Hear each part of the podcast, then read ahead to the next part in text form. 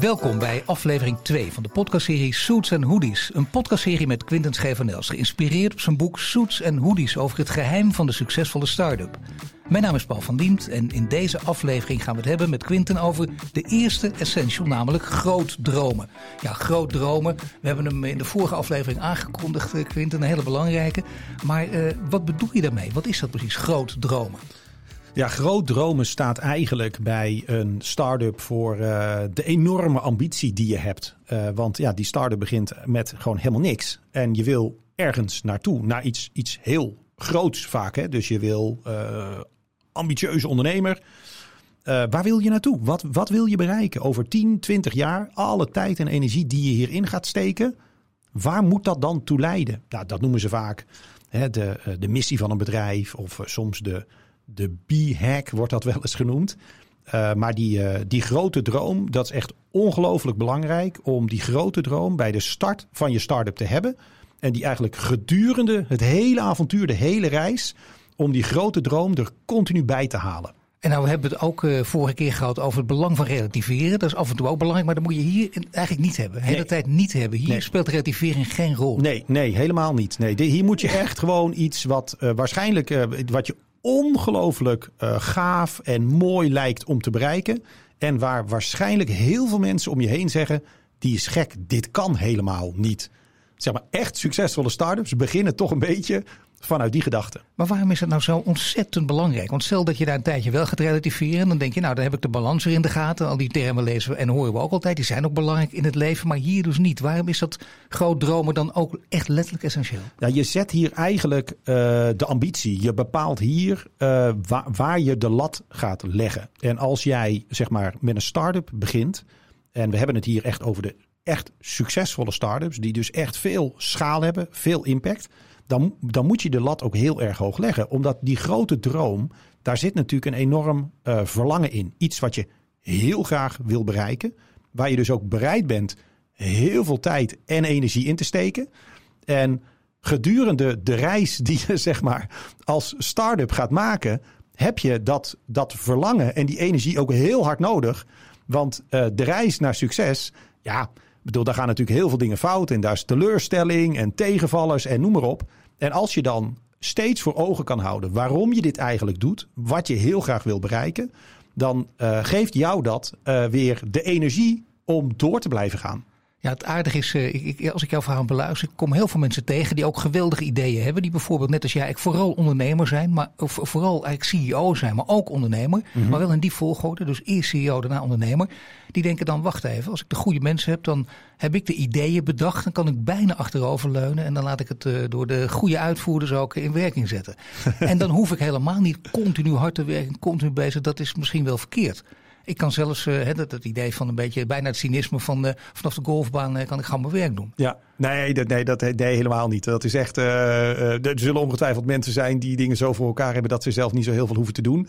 Maar in de basis is het natuurlijk toch wel als jij een, een idee hebt waar je heel gepassioneerd over bent, dan wil je ook helemaal niet naar de golfbaan toe. Hè? Dan wil je ook gewoon iedere dag gewoon met ziel en zaligheid wil je met een team aan dat idee werken. Om dat realiteit te maken klanten blij te maken, nou noem maar op. Uh, en dat is ook heel vaak nodig. Want als je echt iets wat um, gewoon heel ambitieus is en onhaalbaar lijkt, als je dat echt ook wil bereiken, ja, dan, dan, dan moet je ook wel echt, uh, echt aan de bak. Dat, dat gaat niet vanzelf. Je moet ook echt hier, denk ik, in de spiegel kijken, letterlijk. Want uh, wat is dat? Hoe doe je dat groot dromen? Want ik hoor dit hele verhaal van jou, ik begrijp het ook. En je weet dat je hier al je tijd in gaat stoppen. Je weet ook dat de kans van niet slagen heel groot is, maar dat doet er niet toe. Dat haal je uit je hoofd. Je gaat hier een bepaalde periode aan werken. Maar hoe doe je dat? Hoe kun je groot denken bereiken? Uh, moet je dat op papier zetten? Moet je daar jaren over nadenken? Moet je daar met een club over nadenken? Moet je met jezelf in debat? Ja, nou wat er heel vaak gebeurt is dat uh, die, die grote droom, die ontstaat een beetje uh, vaak uit... Um, frustratie van iemand. Hè, dat die denkt, jeetje, mina man, dan loop ik er weer tegenaan. Waarom is dat zo slecht geregeld?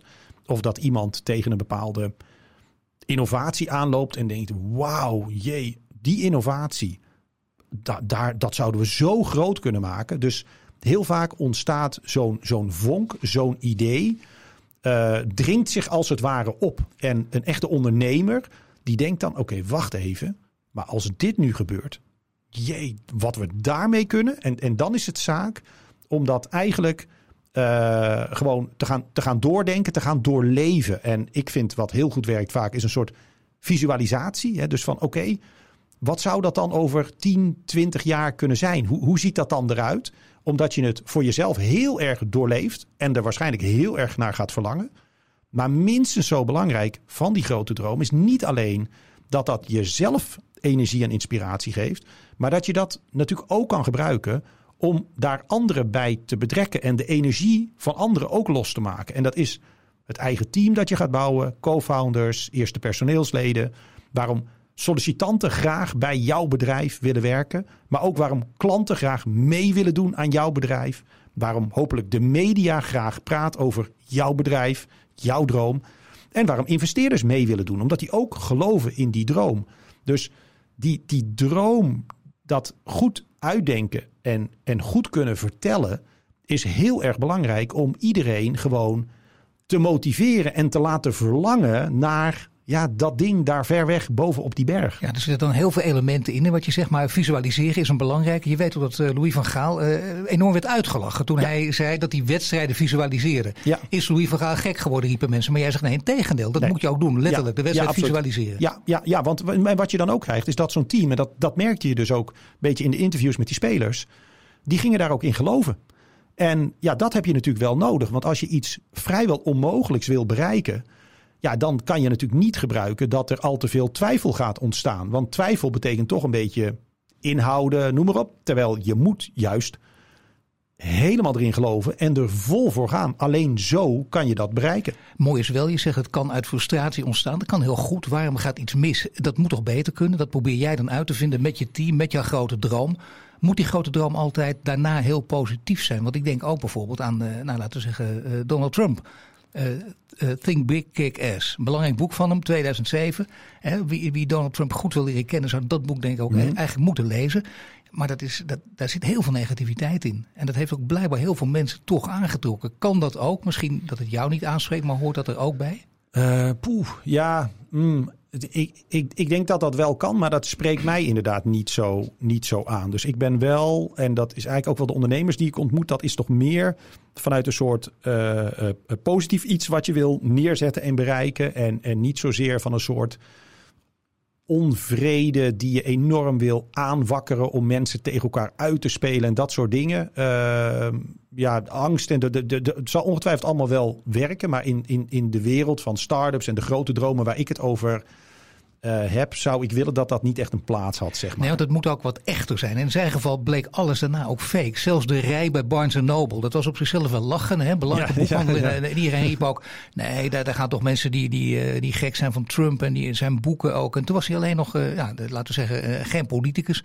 Die gaat toch nooit zo'n boek van hem kopen. En hij hoorde die geluiden ook en hij dacht, ik zal jullie even wat laten zien. En heeft inderdaad heel veel figuranten ingehuurd. Daardoor stond de langste rij ooit voor Barnes Noble. New York Times trapte erin, dat vond hij leuk. Maar het is in zekere zin uiteindelijk alleen nog maar mensen op verkeerde been zetten. En alleen maar negativisme ook. Ja, ja, ja. Nee, nee, nee. En dat is natuurlijk uiteindelijk wel.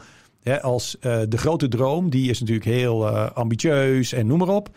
Uh, maar onderweg, je moet dat natuurlijk wel ook oprecht willen bereiken. En ook in stapjes waarmaken. Want anders, ja, dan gaat natuurlijk, gaan mensen het, het geloof erin verliezen. Dus je kan niet, ja, om die grote droom echt te realiseren, echt die impact te hebben, moet je het ook echt gaan bereiken. Want anders dan haakt iedereen onderweg weg af. Dan denken ze van ja, dat is een hartstikke mooie uh, grote droom, maar we, we, dit is allemaal fake. Dit, dit gaat nergens toe leiden. Het is geen, geen strategie en geen plan, een grote droom. Dat is natuurlijk weer wat anders. Dat wordt vaak uh, verward ook, merk ik. Vind ik zelf ook wel lastig. Want soms denk je, oh, dat, dat komt bijna één op één overeen. Maar dat kan niet. Dat is het toch niet? Nee, nee, nee, nee. Dat is echt anders. En dat wordt ook wel eens gezegd dat iemand heeft dan zeg maar een, uh, een geweldig idee, een grote droom. En die zegt dan van, nou, dat is zo ontzettend uniek. En ja, het is een cruciaal element dat je moet hebben. Maar een idee of een grote droom losstaand, ja, is eigenlijk niks waard. Hè? Dus de stap die je daarna moet maken, en die zit ook in een aantal van die andere essentials, is dat je die grote droom moet gaan doorvertalen naar oké, en hoe gaan we daar dan komen? Wat, wat is ons plan als we over twintig jaar daar willen zijn? Wat betekent dat dan dat we komend jaar moeten bereiken? En dat je het opknipt eigenlijk in een plan wat overzichtelijk is, waar je met je team aan kan werken en dat je op die manier eigenlijk stapjes zet om die Mount Everest, om die berg te gaan beklimmen. Ja, dat doe je natuurlijk niet in één dag helemaal naar boven. Maar hoe hou je het toch bij elkaar? Want het kan natuurlijk afbreuk doen. Dat strategie, die strategie of het plan kan enorm afbreuk doen aan, ja, aan, aan waar je oorspronkelijk mee bent begonnen, namelijk die grote droom. Uh, ja, je, nou, je maakt het eigenlijk gewoon, uh, gewoon praktisch. Hè? Dus je gaat gewoon zeggen van uh, oké, we hebben even een voorbeeld is Google. Hè? De, de, de, de missie van Google bij de oprichting was wij willen zorgen dat alle informatie ter wereld toegankelijk is voor iedereen op ieder gewenst moment. Dat was toen ze het bedrijf oprichtten. Ja, was dat eh, nou ja, hoe gaan jullie dat in hemelsnaam doen? En die zijn gewoon begonnen met: oké, nou dat betekent in ieder geval, er zijn websites, daar staat content op. Dat is echt nog niet alle content in de wereld. Laten we eerst maar eens beginnen dat we al die webpagina's zo goed mogelijk gaan indexeren. En dat we daar een zoekmachine op zetten die je via je computer kan bereiken, zodat je in ieder geval dat kan doorzoeken. En dat was voor hun eigenlijk stap 1. En zo zijn ze, stapje voor stapje, zijn ze steeds meer daaraan gaan toevoegen om ja, eigenlijk in stappen toe te werken naar dat punt dat ze nu ongeveer wel kunnen zeggen uh, gerealiseerd. Nee, dat kun je wel zeggen, ja. Maar misschien aardig om dat enthousiasme aan te wakkeren en, en dit beeld ook nog te verduidelijken. Heb je veel meer voorbeelden? Want Google is een heel duidelijke, ja, maar er zijn natuurlijk veel meer. Ja, nee, er zijn, er zijn er zeker meer. Ik vind één, maar die gaat echt behoorlijk ver terug in de tijd. Maar dat is dat, dat Kennedy in Amerika, zeg maar, een groep mensen in het Witte Huis bij elkaar riep en zeg, zei: Bring me a man to the moon. Eh, oké, dat was toen natuurlijk echt van, oké, wacht even, wat, zegt hij nou eigenlijk? Die hoor je op alle congressen ook. Ja, hè? bedoel, die, is, ook, die is zo belangrijk. Nee, maar die is groot gemaakt. Dus als mensen dan het niet geloven, dan kun je deze altijd nog even uit de mouw schudden. Ja, ja, ja, en die schoonmaker natuurlijk, hè, die daar rondliep en die zei, hè, toen kwam Kennedy kwam daar en die schoonmaker liep rond en zei, goh meneer, wat doet u eigenlijk? Vroeg Kennedy aan die schoonmaker en die zei, ik breng een man naar de maan. Ja, dus dat was ook helemaal. Dat, dat was zeg maar wat hij daar deed. Dus dat is denk ik een hele aardige. Uh, ik denk wat, uh, wat actueler is bijvoorbeeld uh, SpaceX. Overigens, bring me the man to the moon, to Mars. Maar de, de missie van dat bedrijf is making humanity multiplanetary. Zorgen dat de mensheid op meerdere planeten zou kunnen leven. Een soort plan B, zeg maar. Nou, dat is ook echt wel van, oh, het is niet alleen maar uh, raketten bouwen die ook weer uh, terug op aarde kunnen landen. Nee, daar zit echt een hele andere, veel grotere droom achter die zij graag willen bereiken de aarde kan kapot gaan en we hebben alternatieven nodig. En dan word je in het begin ook altijd met al die grote ideeën. Je wordt uitgelachen, mensen halen hun schouders op en denken ja, ja, het zal wel. Dat zit dan blijkbaar toch in, in, in laten we zeggen, in, de grote kudde, die daar meestal heel anders naar kijkt. Ja. En, en de recensenten natuurlijk en de, en de media, hoe, hoe moet je je daar tegen te weerstellen? Met, met als je dit soort plannen en ideeën hebt en naar buiten brengt. Ja, nou, ik denk dat je een beetje uh, geobsedeerd moet zijn, een beetje gek. En uh, ik denk ook een behoorlijke laag eelt. En uh, als jij daarin gelooft uh, gewoon je, je ding doen en, en je gang gaan. En alleen zo uh, bereik je echt gewoon hele, hele grote dingen. Dus je moet selectief zijn naar wiens kritiek je wel en niet luistert. En uh, gewoon je, je ding doen. Maar gek zijn en die laag eelt, maar dus ook eigenwijs zijn. Dat is ook erg belangrijk. Ja, natuurlijk. Ja, nee, je moet wel echt overtuigd zijn van we gaan gewoon die droom realiseren. En mensen kunnen proberen dat uit mijn hoofd te praten, omdat ze denken dat het onhaalbaar is. Maar we, we gaan dit gewoon doen. Ja, maar het mooie wat je zegt, je luistert alleen naar de mensen die, die je vertrouwt. Of van je denkt, ja, die, die komen met zinnige kritiek, daar heb ik wat aan. Maar dan nog, dan nog is het heel erg lastig. Juist om die inschatting te maken. Want dat is de theorie. Maar de praktijk, je hebt er ook zelf vaak mee te maken gehad. Hoe, hoe weet je dat? Hoe weet je welke mensen je echt kunt vertrouwen? Want die mensen moeten ook keihard tegen je kunnen zijn. Die moeten je kunnen corrigeren. Ja, dat wil je ook. Ja, ja, dus ik, ik denk dat dat sowieso helpt. Uh, naarmate je ouder bent, uh, heb je denk ik meer mensen om je heen verzameld die in het verleden hebben bewezen dat ze zeg maar heel waardevol voor je zijn. Hè, dat ze echt wat kunnen toevoegen. Dus die kan je dan wat makkelijker opzoeken om erbij te betrekken. Uh, maar het is denk ik ook een beetje afhankelijk van wat, wat voor type start-up je hebt. welke kennis en ervaring voor jou heel erg relevant is. Hè. Dus bij heel veel start-ups is mijn eh, mening niet zo heel erg relevant. Weet je, kan ik niet echt challengen. En er zijn ook een heleboel start-ups in, in type markten die ik heel goed ken. Uh, waar ik juist weer wel wat kan toevoegen. Dus je moet ook wel heel selectief zijn. Uh, voor welk onderwerp luister ik naar welke persoon? En daar een beetje een vertrouwensband hebben. Open, transparant zijn. En dan kan iemand je helpen om die grote droom en de weg daar naartoe. Om dat ja, een beetje te challengen. Nou, een naam die, die vaak zal vallen in, in al die podcasts die wij maken is Elon Musk om, om meerdere redenen. Maar Elon Musk is natuurlijk iemand die, die van alles, hoe dan ook, hoe je over hem denkt, van alles voor elkaar heeft gekregen. Die groot durft te dromen, groot kan dromen. Maar denk je dat hij nog steeds mensen om zich heen heeft die hem echt de volle laag kunnen geven op een goede manier? Dus hem kritiek geven zodat hij beter wordt? Oeh, dat weet ik niet. Ja, ik ken hem natuurlijk niet. eh, ik ken hem helemaal niet persoonlijk. Dus ik weet niet, ook niet wie in zijn omgeving zitten. Maar ik denk dat dat best wel lastig is. Tegelijkertijd, eh, ja, het kan niet anders dat hij natuurlijk bij een bedrijf als eh, SpaceX, eh, Neuralink, Tesla. Kijk, hij is nu heel veel tijd bezig met Twitter. Daar moeten hele goede mensen zitten. Dat die bedrijven gewoon echt. Hij, kan, hij kan heel veel zelf, maar hij kan natuurlijk niet alles zelf. Hij kan niet alles zelf uitdenken. Dus daar moeten ook gewoon om hem heen een aantal hele goede mensen zitten. Die hij ruimte en verantwoordelijkheid geeft. En in hoeverre hij op bepaalde onderwerpen ook echt eh, eh, eh, luistert naar anderen om, om, om dingen scherper te maken. Ja, dat we- weet ik niet precies. Ik, ik, ik hoop dat hij dat doet. Maar ja, tegelijkertijd, als je. Ik, ik denk dat hij is natuurlijk zo ongelooflijk slim. Ehm, ja, dan wordt het ook wel moeilijk om iets, iets toe te voegen, zeg maar. En om hem uit te dagen. Dus eh, de- ik denk dat er ook op een gegeven moment niet meer heel veel mensen zijn die hem echt scherp kunnen houden. Nee, je krijgt ook de indruk dat hij ook niet genereus is met, eh, met de namen noemen van mensen die, als ze er wel zouden zijn, die hem wel scherp houden. Mhm. Of dat het misschien ook al bij zijn branding hoort. Dat hij Ja. denkt dat, dat hij tegen die mensen zegt, dat ga ik niet doen. Dat doe ik niet omdat ik jullie kleineer, maar omdat ik gewoon, dat is beter voor ons merk, dat, dat ik de, degene blijf die in het brandpunt staat. Dan Ja. kunnen jullie je gang gaan. Dat kan ook allemaal. Ja, dat zou kunnen. Ja, en, en, en ik heb ook wel het idee dat hij, eh, ondanks dat het zeg maar, bij, bij de bedrijven als Tesla en Twitter natuurlijk om enorme schaal gaat, dat zijn gewoon hele grote bedrijven, maar dat hij ook heel eh, erg gewoon ehm, stimuleert om gewoon te veranderen, te proberen. En dan merken we wel of het goed is. En als het niet goed is, dan passen we het heel snel weer aan. Dus hij kiest ook wel een beetje voor de weg dat eh, niet alles van tevoren moet zijn uitgedacht. Maar we gaan ook gewoon in hoog tempo onderweg naar die grote droom gaan we gewoon dingen proberen. En dan gaan ook dingen fout, dat is prima. En dan gaat het erom dat we zo snel mogelijk dat weer aanpassen. Kun je wat voorbeelden uit, uit je eigen praktijk noemen, hè, die te maken hebben met dat groot denken? Ja, ja nou, het, een van de redenen voor mij om in eh, 2018 CEO bij Funda te worden was eh, niet zozeer. Hè, Funda was op dat moment natuurlijk al heel erg dominant, eigenlijk als eh, de etalage waar iedereen in Nederland naartoe gaat als die nieuwe woning zoekt. Maar ik was vooral gefascineerd door gewoon de, de potentie van dat platform. En toen ik daar eh, zeg maar over nadacht van wat zou je hiermee kunnen doen, was mijn grote droom. Volgens mij heb je hier een platform dat je zou kunnen gebruiken om voor iedereen in Nederland het aan- en verkopen van een woning gewoon veel sneller, veel simpeler, veel transparanter te gaan regelen. Veel makkelijker te maken. Eigenlijk de stress die in dat proces zit, met een notaris, met een keuring, met een hypotheek. Dus niemand vindt dat proces zeg maar leuk. Uh, volgens mij kan je dat met Funda heel veel makkelijker maken. En dat was voor mij zeg maar het, het verlangen, de grote droom om CEO van Funda te worden. Om dat eigenlijk voor elkaar te gaan krijgen. En uh, ja, dan denk ik dat je daar enorme impact mee zou kunnen hebben.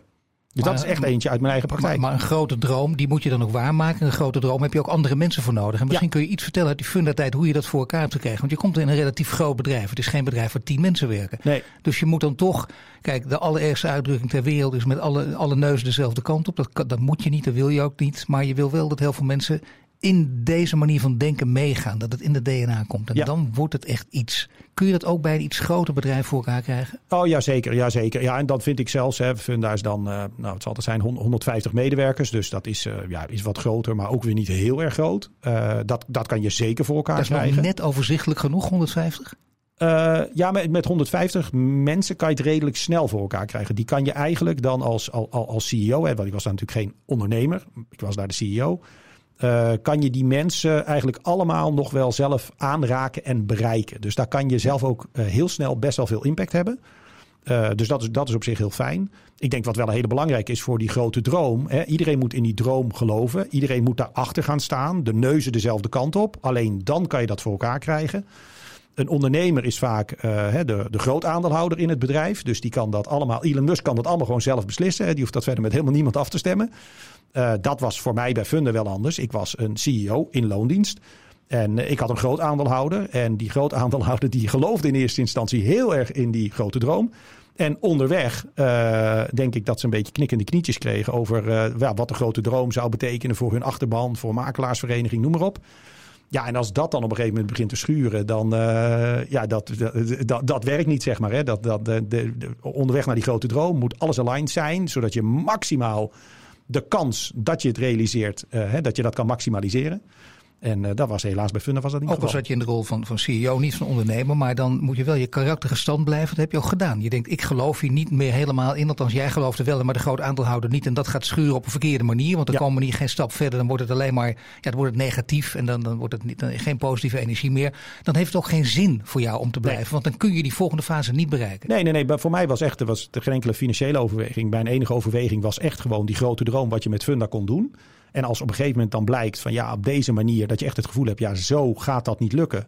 Ja, dan valt eigenlijk ook die, die energie en die drive weg, waar het ook heel moeilijk is om dan eigenlijk iedere dag gewoon met volle overgave trainingsveld op te gaan, met mensen aan de slag te gaan, noem maar op. Als je daar eigenlijk ziet van ja, wat, wat mij drijft om dit te doen, ja, dat gaat zo niet lukken. Ja, dan, dan... Maar dan is het van jou, uh, de, ook, getuigt het ook van lef. En misschien wel een les ook voor anderen om dat lef dan te ontwikkelen. Om gewoon dan op te stappen. Want dat geloven anderen weer niet. Die denken, nou, hij is hier financieel van afhankelijk. Hij blijft wel. Je moet nooit in die positie komen. Dat is eigenlijk de les dan. Nee, ja, nee, nee dat, is wel, uh, dat is wel fijn. Maar goed, dat is, dat, ik, ik kon dat uh, misschien wat makkelijker zeggen. Uh, als je gewoon wel, zeg maar, de, de, de kostwinner bent en uh, net een nieuw huis hebt gekocht en twee kleine kinderen hebt en je bent extreem afhankelijk van dat salaris, dan ja, moet je dat misschien toch een beetje anders doen. Maar ook dan ja, weet je, als je, als je er niet echt meer in gelooft, dan, dan moet je gaan bewegen, moet je iets anders gaan doen. Ja. En, dat, en niet alleen voor jezelf, maar ook voor het bedrijf. Want niemand heeft daar wat aan. ik bedoel, dat, dat zie je ook. Die mensen herkennen we allemaal, ook kennen we ze niet persoonlijk. Je merkt dat gewoon. Dan werkt het niet en dan, dan kom, komen ze, kom je geen stap verder. Nee, en dat, is, dus, dat geeft dus aan hoe belangrijk zeg maar, die grote droom is. En alle mensen en energie, die, iedereen moet daarachter gaan staan. Want dan kan je echt bergen verzetten. En als daar ergens haarscheurtjes in komen, dat, daar heb je echt een probleem. Ik heb een ander voorbeeld. Uh, uh, Recruit Robin is een, een bedrijf uit, uh, uit Utrecht, technologiebedrijfje. Daar heb ik nu bijna drie jaar geleden, vlak, vlak voor, voor de eerste lockdown, heb ik, heb ik daarin geïnvesteerd. En dat is een jongen die heeft technologie ontwikkeld. En zijn grote droom is dat met behulp van die technologie er meer dan een miljoen mensen zeg maar, een leukere, betere baan kunnen vinden. Nou, dat vind ik ook gewoon de hartstikke mooie droom die hij heeft. Want zeker waar hij toen stond, was een miljoen dat je denkt, zo, wow, oké, dat is wel heel veel. En in, inmiddels hebben we het gekscherend wel eens over van, ja, moet dat niet eigenlijk gewoon dan 10 miljoen of 100 miljoen worden.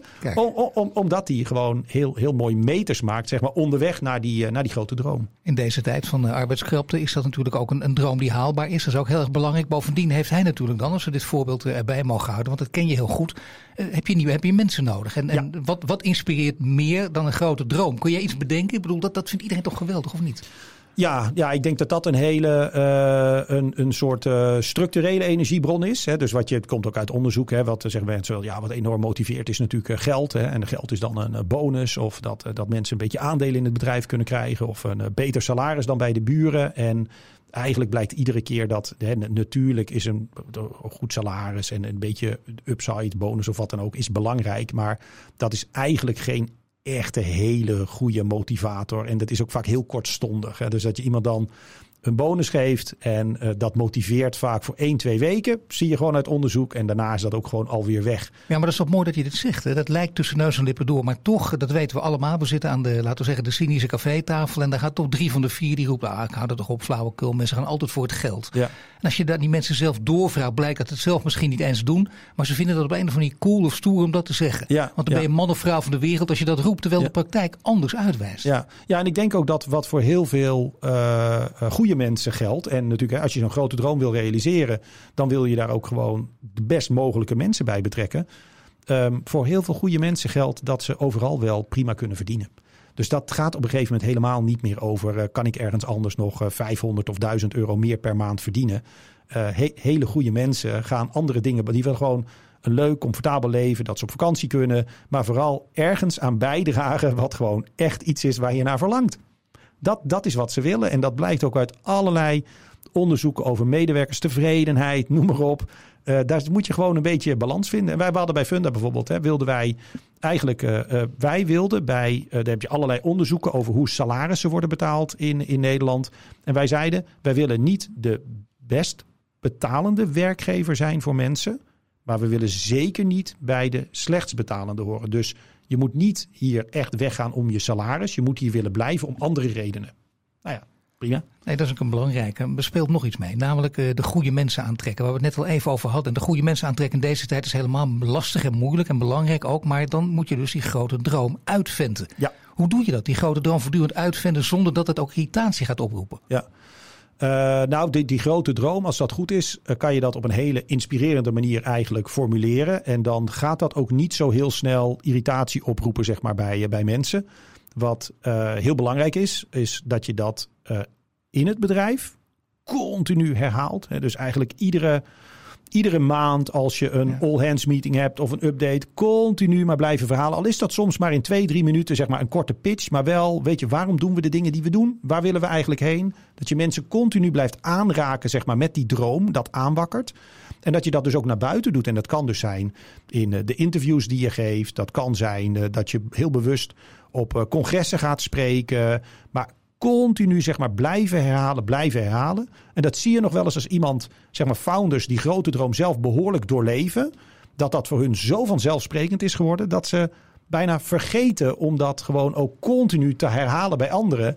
Terwijl als jij een succesvolle start-up hebt, dan had je vorig jaar had je 20 man in dienst, nu 100 man in dienst. Ja, die 20 man die hebben dat verhaal misschien één of twee keer gehoord, maar die 80 nieuwe die erbij zijn gekomen, hebben die het eigenlijk ook wel gehoord? Dus je moet herhalen, herhalen, herhalen, herhalen. Ja, nee, geweldig. En ik heb het eh, in mijn leven vaak mogen meemaken. En als dat gebeurt, is het zo dat je denkt, je gaat mensen bijna op die manier ook inschatten. denk je, jij hoort hier helemaal niet bij. Terwijl iemand hoeft helemaal niet bij jouw bedrijf te horen. Maar het bedrijf is je zo eigen gemaakt. Heb je jezelf zo eigen weten te maken? Of heeft de ondernemer of de CEO jou eigen gemaakt? Dat je denkt, ja, zo ga ik mensen bijna indelen. Ja. Dat lijkt eng, maar dat is ook heel prettig en heel plezierig en heel goed voor het bedrijf, denk ik. Ja, of niet? tuurlijk. Ja, ja, nee. En je moet uiteindelijk moet je ook gewoon de, de club mensen overhouden die uh, een, een, enorm gelooft in die droom en daar heel veel voor wil doen. En als mensen onderweg andere dingen belangrijk gaan vinden of daar niet meer in geloven, ja, dan kan je ze eigenlijk ook niet gebruiken. Want ja, dat, dat wat je wil bereiken, Mount Everest beklimmen, met mensen die halverwege die missie te veel gaan twijfelen en een beetje de pas gaan inhouden, ja, dan gaat dat nooit lukken. Dus dat, dat kan niet.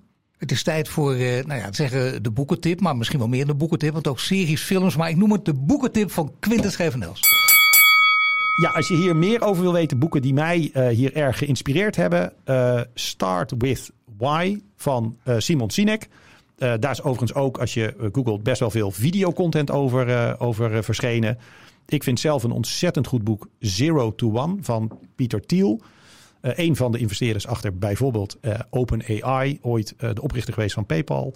En dat zero to one zegt het eigenlijk al. Hoe kom je nou van 0 naar 1? Niet van 1 naar 100, maar daar, daar zit ook heel veel in over zeg maar, die grote droom en die motivatie. En een podcastserie die ik zelf erg interessant vind, is, uh, die heet Acquired. Uh, op, op Spotify, waarschijnlijk ook nog wel op andere plekken te vinden. En uh, dat zijn twee investeerders uit Amerika. Beetje long format, moet je van houden. Ik hou er wel van. Is vaak twee, tweeënhalf uur. Speel je dan af of keer, keer anderhalf. Dat gaat een beetje sneller. En wat zij eigenlijk doen is dat zij gaan van hele uh, bekende mensen of bekende bedrijven, gaan ze helemaal terug naar de oorsprong daarvan. Hoe is dit zo ontstaan? En dan is het eigenlijk een soort tijdlijn die ze doorlopen, waar ook heel vaak eigenlijk dan die grote droom, ja, dat zit helemaal in het begin, zit dat. Dus dat, dat is erg leuk om naar te luisteren. Nou, pikken we één dingetje uit. In dit geval OpenAI. Misschien ook een voorbeeld in deze tijd van een bedrijf met een grote droom. Daar is meteen wel heel veel kritiek op gekomen. Want hoe open uh, AI is, hoe open zijn ze eigenlijk, hoe transparant zijn ze eigenlijk. En bovendien uh, is het niet, uh, laten we zeggen, een droom van, van Big Tech. En wij worden in de armen van Big Tech gedreven. Dat is de grote kritiek daarop. Ja. Dan zeg je, dat moet je ook als je bij OpenAI zit, moet je dat wegvagen en moet je hem blijven geloven? Of moet je dit juist heel serieus nemen?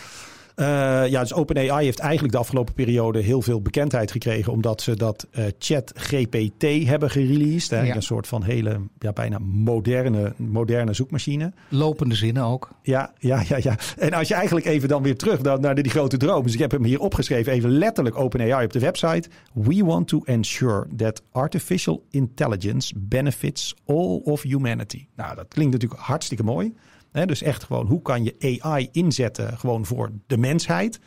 Um, maar dat is natuurlijk nog niet zo makkelijk. En dat komt met een behoorlijke verantwoordelijkheid. Ik weet nog dat een van mijn kinderen ook zei: uh, Papa, als jij het niet weet, dan vraag je toch aan Google. Google weet alles. uh, nou, is dit een soort geavanceerde versie van Google? En de informatie die je terugkrijgt. Um, ja, wat, wat, zijn de bronnen daaronder? En kan, kan ik dit antwoord eigenlijk wel, wel vertrouwen? Dus daar zit uh, een enorme uitdaging. En dus, welke software gebruikt wordt, daar is de transparantie ook niet even groot in. Nee, nee, dus ja, en dit is ook wel. Ik, dus ik vind die. Um, ik geloof enorm dat je AI kan inzetten op een manier dat we daar als mensheid extreem veel aan hebben. Maar zoals met heel veel van dat soort toepassingen, als je het verkeerd doet, ja, dan kan je er ook heel veel kwaad mee doen. Dus er ligt nogal niet een verantwoordelijkheid in de mensen van OpenAI. Van oké, hoe zorg je ervoor dat dit ook op een goede manier wordt toegepast? En ja, dat is denk ik wel, wel een uitdaging. Maar ik denk niet dat dat iets moet zijn om vervolgens uh, meteen te zeggen van ja, dit is niet goed, je kan niks vertrouwen, noem maar op. Uh, ik denk dat we juist moeten hopen dat uh, daar een team zit die dit gewoon op een verantwoorde manier gaan doen. En zich niet laten verleiden, zeg maar, door andere meningen, overtuigingen om maximaliseren op uh, geld of uh, hun eigen misschien wel uh, politieke opinie door doorheen te duwen. Heel selectief te worden, wat natuurlijk bij Twitter een beetje is gebeurd met die content mag er wel op, die content mag er niet op. Maar ja, dat is de, ja, de grote uitdaging van deze tijd, denk ik. Oké, dank je Quinten. En dit was aflevering 2 uit de podcastserie Suits and Hoodies, waarin we het hadden over de essential groot dromen. En in de volgende aflevering gaan we het hebben over de tweede essential, vernieuwing. Heette dit boek nog, maar zoals Quinten inmiddels liever zegt, timing, zie de juiste trends. Dan gaat het vooral over de trends. En wil je meer weten, dan kun je Quinten volgen op Twitter of LinkedIn. En heb je vragen of suggesties voor onderwerpen, die kun je daar uiteraard ook delen. Dank voor het luisteren.